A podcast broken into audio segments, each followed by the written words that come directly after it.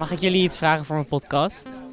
Oké, eerlijk zeggen, want ja, jullie werken voor het Nederlands Filmfestival. En ik wil dus heel graag weten, ben je bekend met het Amsterdam International Filmfestival? Oeh, wel eens van gehoord, maar ik ben er zelf nooit geweest. Ik ben aan het denken, is er ook een afkorting voor of niet? Misschien ik de afkorting ken. Het AIFF. Nee, zegt me eigenlijk niks. Even een vraag, hè. Heb jij wel eens gehoord van het Europe Film Festival? Deels. Mag ook gewoon nee zeggen, want ik zie in je gezicht dat het een nee is. Ik heb het ergens. eh, nee, nee, ik heb het niet gehoord, denk ik. Nee, nee, het antwoord is nee. Er zijn blijkbaar 32 filmfestivals die je dit jaar in onze hoofdstad kunt bezoeken.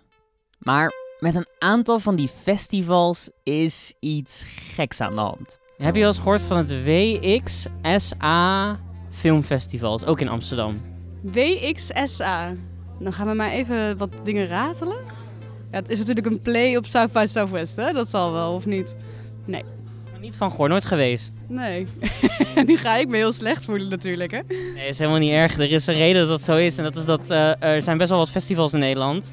Waarvan niemand eigenlijk weet wat voor festivals dat zijn. Wat ze doen, hoe ze werken en waar ze gehouden worden. En eh, daar gaat deze reeks over die ik aan het maken ben met de podcast.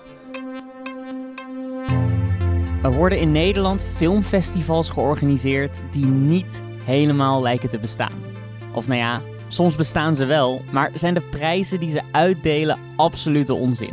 En bovendien, de filmindustrie in Nederland kent ze niet. In deze reeks van Op de Vijfde Rij, een productie van VPRO Cinema en AI Filmmuseum, duik ik in de wereld van zulke festivals. Ik wil weten hoe ze precies in elkaar steken, wie de mensen zijn die zoiets opzetten en waarschijnlijk duizenden euro's verdienen over de rug van filmmakers. Ik beland op een van de meest bizarre evenementen waar ik ooit was. Ontdek hoe een Nederlandse politieke partij verwikkeld raakte in dit spinnenweb en ik kom oog in oog te staan met de breinen achter deze praktijken. Welkom bij een nieuwe reeks van Op de Vijfde Rij in de wereld van scamfestivals.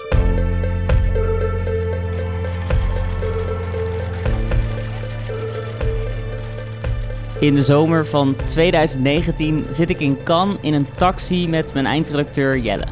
En hij vertelt me iets wat ik nog nooit eerder had gehoord. Er bestaan neppe filmfestivals. Filmfestivals die niet zijn wie ze zeggen dat ze zijn. Je noemt het scamfestivals. En tijdens die taxirit zoeken we uit wat we erover kunnen vinden. Wat in die tijd vooral een paar artikelen op Amerikaanse sites als Screen Daily en IndieWire is. Het woord scam lijkt ons dan nog best overdreven. Maar we vinden wel wat neppe festivals en ze zijn best grappig. Ze zijn nep, zoals Adidas slippers die, als je goed kijkt, eigenlijk Adidas heten. En zo heb je in Cannes, behalve dus het wereldberoemde Cannes Filmfestival, ook het Cannes World Film Festival. En dat wordt dan niet gehouden in het magische festivalpaleis met de rode loper en dan duizenden schreeuwende fans en al die supersterren. Maar ja, gewoon ergens in de bergen van Cannes in een huurhuis met amateurfilmmakers die zichzelf op de borst kloppen. Op hun YouTube-kanaal vind je echt een reeks bizarre video's waarin filmmakers het festival en dan nog specifiek de oprichter bedanken. Moet je horen. This is AJ Camdar, founder of Kitchen Crafted. I am deeply honored and excited to announce that we are a Cannes World Film Festival Remember the Future Award winner in the specific category of Best Experimental Media. The Cannes World Film Festival is a top film festival for us to participate in with its amazing reach and visibility. And a special thanks to Karina Bomba for making this festival happen this year and making it look authentic and win an award. Thank you for making it look authentic. Hij zei het echt. En oké, die dankwoordjes zijn grappig. Je voelt gewoon dat deze mensen in hun thuisland hebben gedaan alsof ze echt in Cannes waren voor dat grote filmfestival. Wat zowel Jelle als ik nog niet wisten toen we naar deze amateurs keken, is dat er een grote pandemie ging komen die alle serieuze filmfestivals zou platleggen. This year, the unthinkable happened to the film world. Cannes' famous boulevard was left empty as its iconic film festival was cancelled due to the pandemic. no stars, no red carpet, just an empty auditorium. The Sundance Film Festival will be all virtual again this year. The festival had been planning for a hybrid of virtual and in person events with strict COVID precautions. But now organizers say it's no longer safe or feasible to bring thousands of people together. Die pandemie zorgde voor een explosie aan scamfestivals. Want ja, de drempel van online wat films tonen en dan jezelf een festival noemen is natuurlijk een heel stuk lager. Nu is dat gekke Cannes World Film Festival, wat dus niet het echte Cannes Film Festival is, eigenlijk vrij onschuldig. Ze huren een villa en je weet dat je niet echt op dat andere festival bent. Erger vind ik het als een festival helemaal niet plaatsvindt. Dat gevoel krijg ik bij een festival in Amsterdam. Het Amsterdam International Film Festival. Ze vragen elke maand online om inzendingen, maar ik ken dus niemand die er ooit is geweest. En ik zie niet dat ze een event aan het houden zijn. Als je daar wint, krijg je een certificaat met je naam erop. Gewoon een JPEG-bestand. En wil je daar dan nog mee op de foto, dan moet je hem eerst thuis uitprinten. Dat was het. Normaal zou een reeks als deze beginnen met een interview van iemand die is opgelicht door zo'n festival. Iemand die echt zo'n prijs heeft gewonnen. En ik heb dat interview ook wel echt gevoerd. Twee uur lang, opgenomen, alles. Maar de persoon die ik interviewde, die heeft zijn deelname ingetrokken. Die wil niet geassocieerd worden met een scam. En daar ga ik nog wel vaker tegenaan lopen in deze reeks. Mensen willen niet geloven dat deze festivals eigenlijk zonder reden bestaan. Nou de enige reden is dat ze films fictieve prijzen geven en dat iemand er geld aan verdient. Veel makers die zo'n prijs winnen, die willen niet geassocieerd worden met oplichting of ja, doen graag alsof het wel allemaal legitiem is. En de festivals, die verdienen geld en zijn verder als organisatie totaal onzichtbaar en onbereikbaar. En besluit je dan om er toch iets aan te willen doen, zoals ik nu heb, dan kun je verwachten dat die festivals achter je aankomen. Dat overkwam de Italiaanse filmmaker Andrea Gattopoulos. Hij is ook opgelicht en hij wilde wel praten. Hi, nice to meet you. Good meeting you. Yeah, where, where are you right now? Uh, I'm in the car. Uh, I'm in Rome, but I'm I'm in the middle of, of the traffic, stuck in the in the in the highway traffic in Rome. Please don't crash. I mean, that would be very bad for the podcast. Andrea is een 28-jarige Italiaanse filmmaker. En hij heeft even de tijd om met me te spreken terwijl hij door Rome rijdt in zijn auto. Hij is nu stappen verder in zijn carrière, geselecteerd bijvoorbeeld in een bijcompetitie van het echte kan. Maar toen hij net begon, is hij in de val getrapt van meerdere scamfestivals. In 2017 is hij net klaar met het afronden van zijn tweede korte film. Hij stuurt die film naar festivals via de website Film Freeway. Dat is het platform waar je als filmmaker heel makkelijk je werk naar een hele reeks festivals kunt sturen. En het gaat dan van Sundance tot Toronto International, tot eigenlijk allerlei kleinere festivals in zo'n beetje elk land op aarde. Dit hele proces lijkt allemaal heel voortvarend te gaan. Andrea wint prijzen. En niet zo'n beetje ook. Uh, well, in, in 2017, I just finished my second short film. So I, I went to Film Freeway, which I barely knew as a platform, but I knew it was the, like the gold standard, you know, for submissions. So I started sending the film out to, to festivals. And since uh, Film Freeway is organized by deadlines and most of fake festivals are monthly, they will pop up more often in the in the list of festivals uh, when you order them by the deadlines approaching. You know. Mm-hmm. So I, w- I would submit to a lot of these monthly film festivals, and in the span of a day, a couple of days, this festival would reply saying, "Hey, you're you're an award winner. You're selected. You this is this is your laurel." En dat is een beetje hoe de festivals opereren. Het kost geld om in te zenden, inzendkosten, en vervolgens krijg je meestal wel een nominatie die al meteen lijkt op een prijs. Dat is namelijk op serieuze festivals ook zo. Je ziet het vaak op posters en in trailers staan. Official selection. Het is niet zo gek dat mensen daarmee pronken, want alleen al een nominatie in Cannes kan je zomaar honderdduizenden extra bioscoopbezoekers opleveren. In veel gevallen zelfs een kans op een Oscar. En die kans is natuurlijk bij een scamfestival zo goed als nul. At that time, I didn't know uh, the naivety of, it, and I would uh, I would use those uh, festival to promote myself, saying, "Hey, this is the first selection.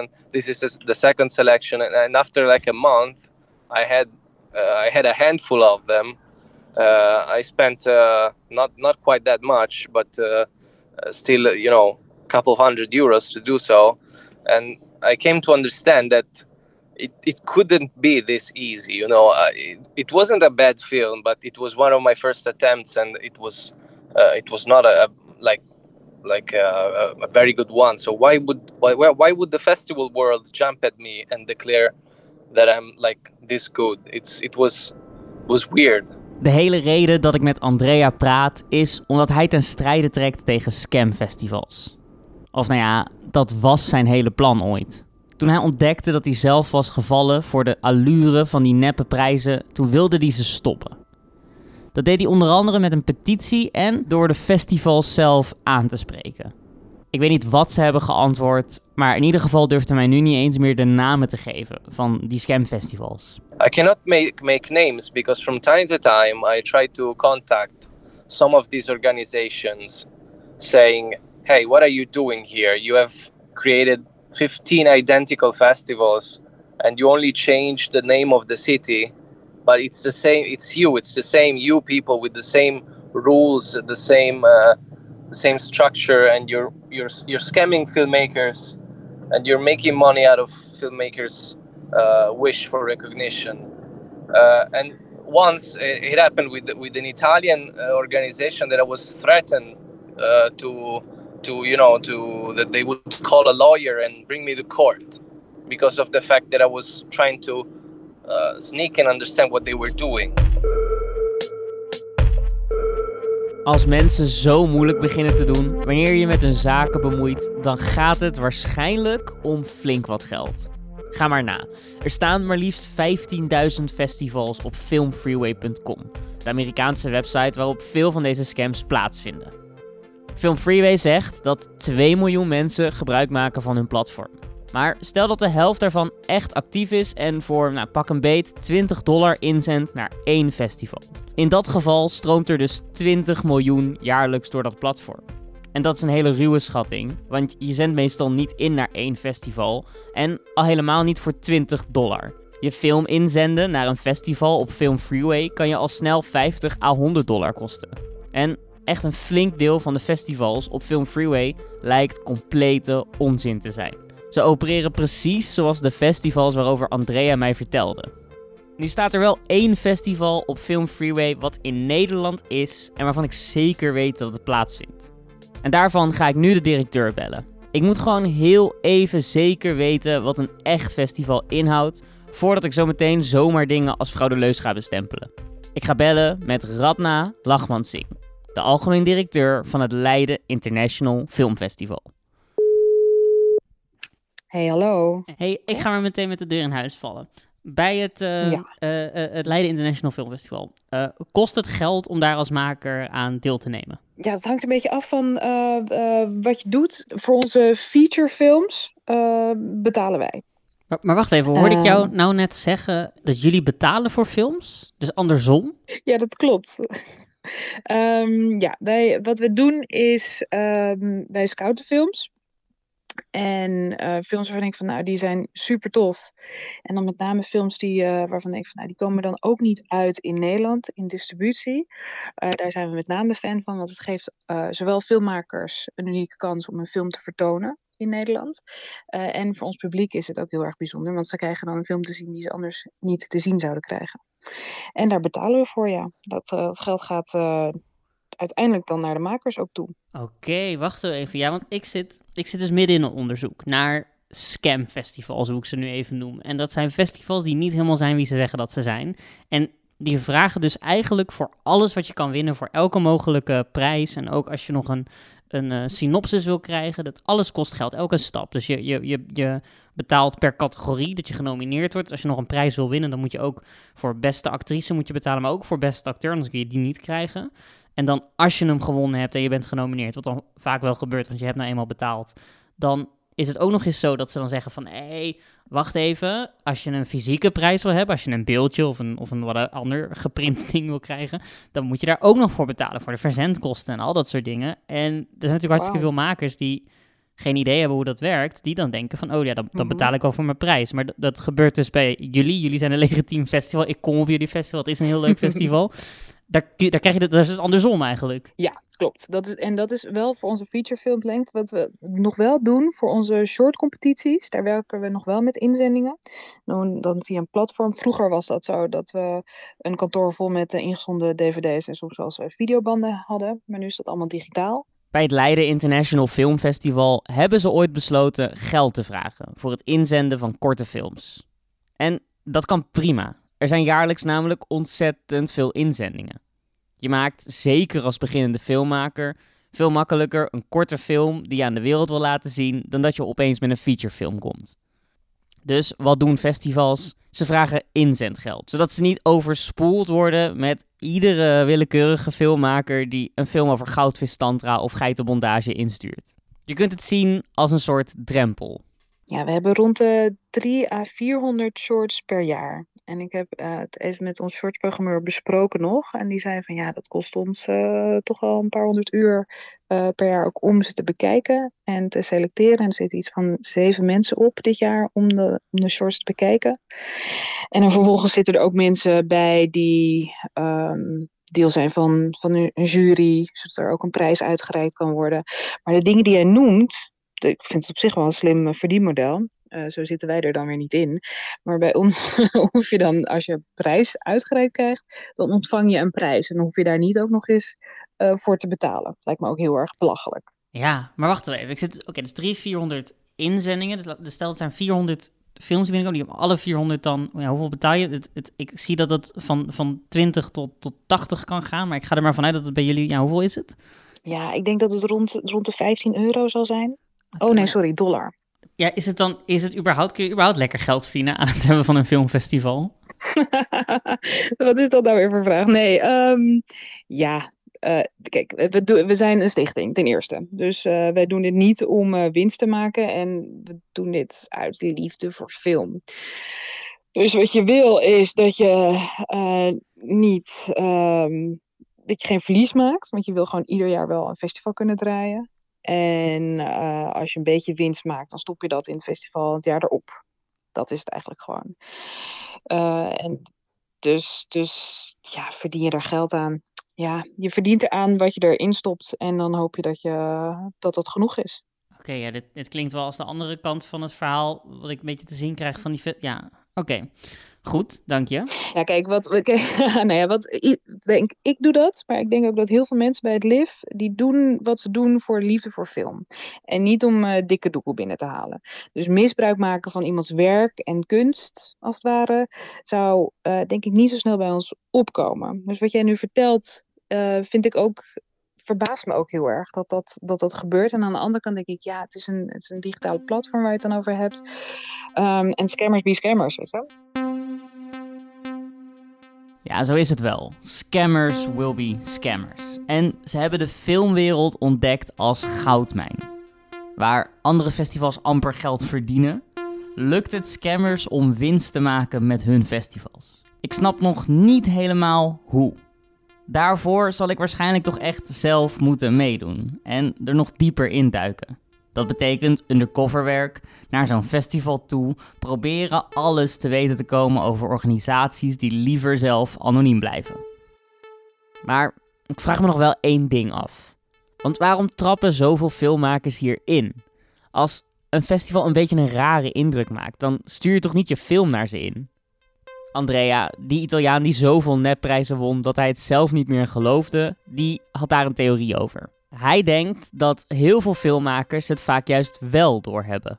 Yeah, uh, totally. Yeah, I think that the the blame is of course to put on. Uh, first of all, the platform for what that let lets this happen knowingly that that this is going on. Then on the festival organizers that they are basically exploiting uh, a sort of um, a vanity trap in the filmmaker's psychology, and then the filmmakers themselves, which of course they're not stupid you know. If they can make a film i think they can distinguish between a real festival and a fake one. And when i was submitting to fake festivals i had this thing in my mind where i said yeah i know that this is kind of tricky but nobody else knows.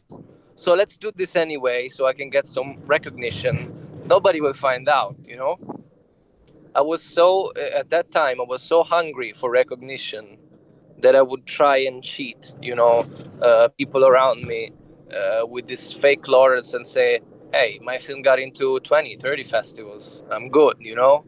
Take me seriously. Daar heeft hij wel een punt natuurlijk. Veel mensen die insturen zullen waarschijnlijk wel doorhebben dat een niet-zeggende prijs precies dat is. Niet-zeggend. Maar toch willen ze hem.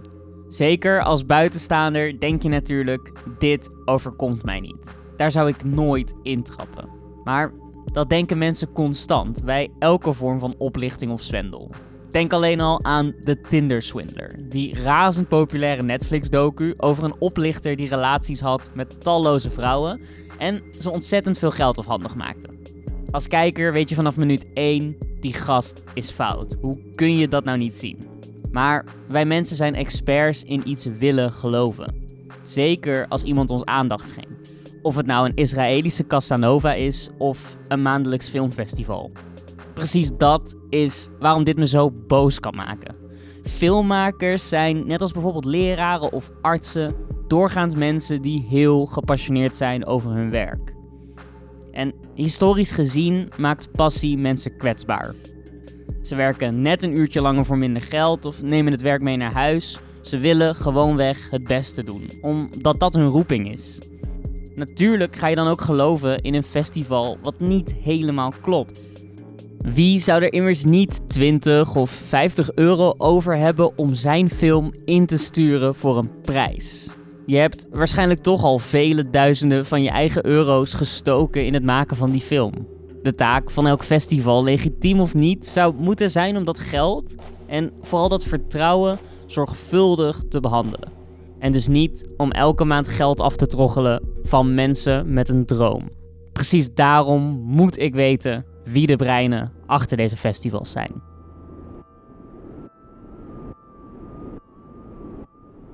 Welk festival zal ik dan onder de loep gaan nemen?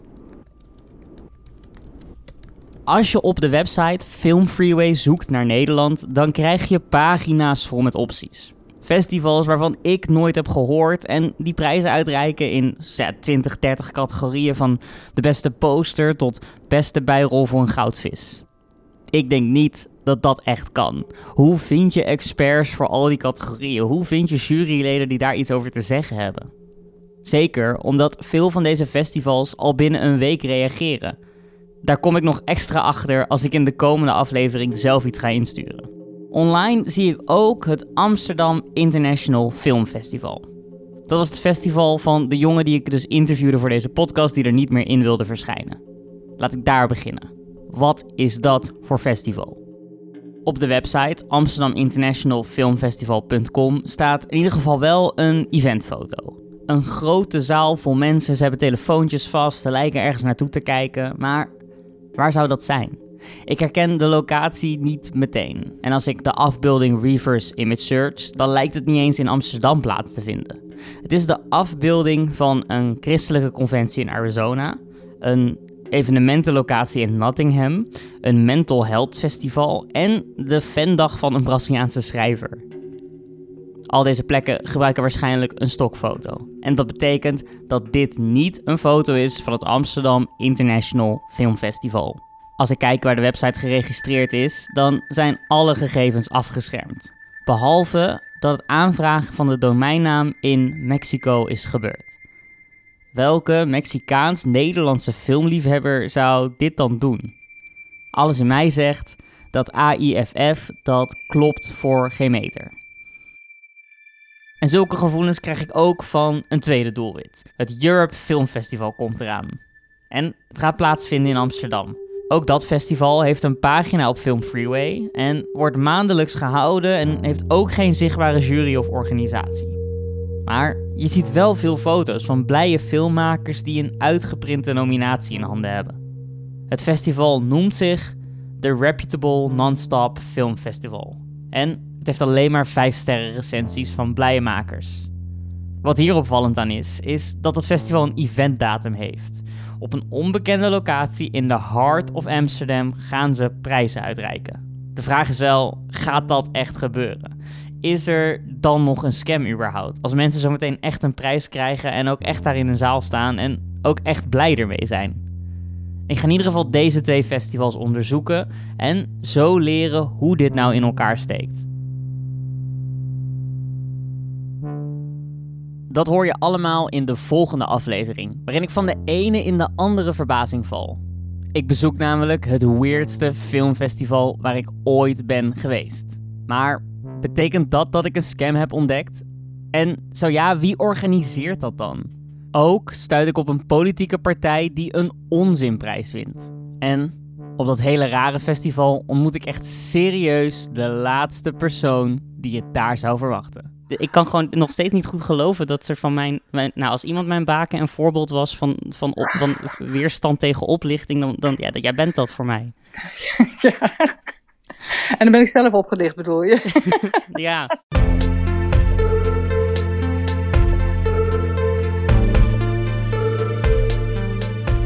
Je luisterde naar een aflevering van Op de Vijfde Rij. Een productie van VPRO Cinema en het AI Filmmuseum. Ben je zelf ooit slachtoffer geworden van een scamfestival of onzinfestival?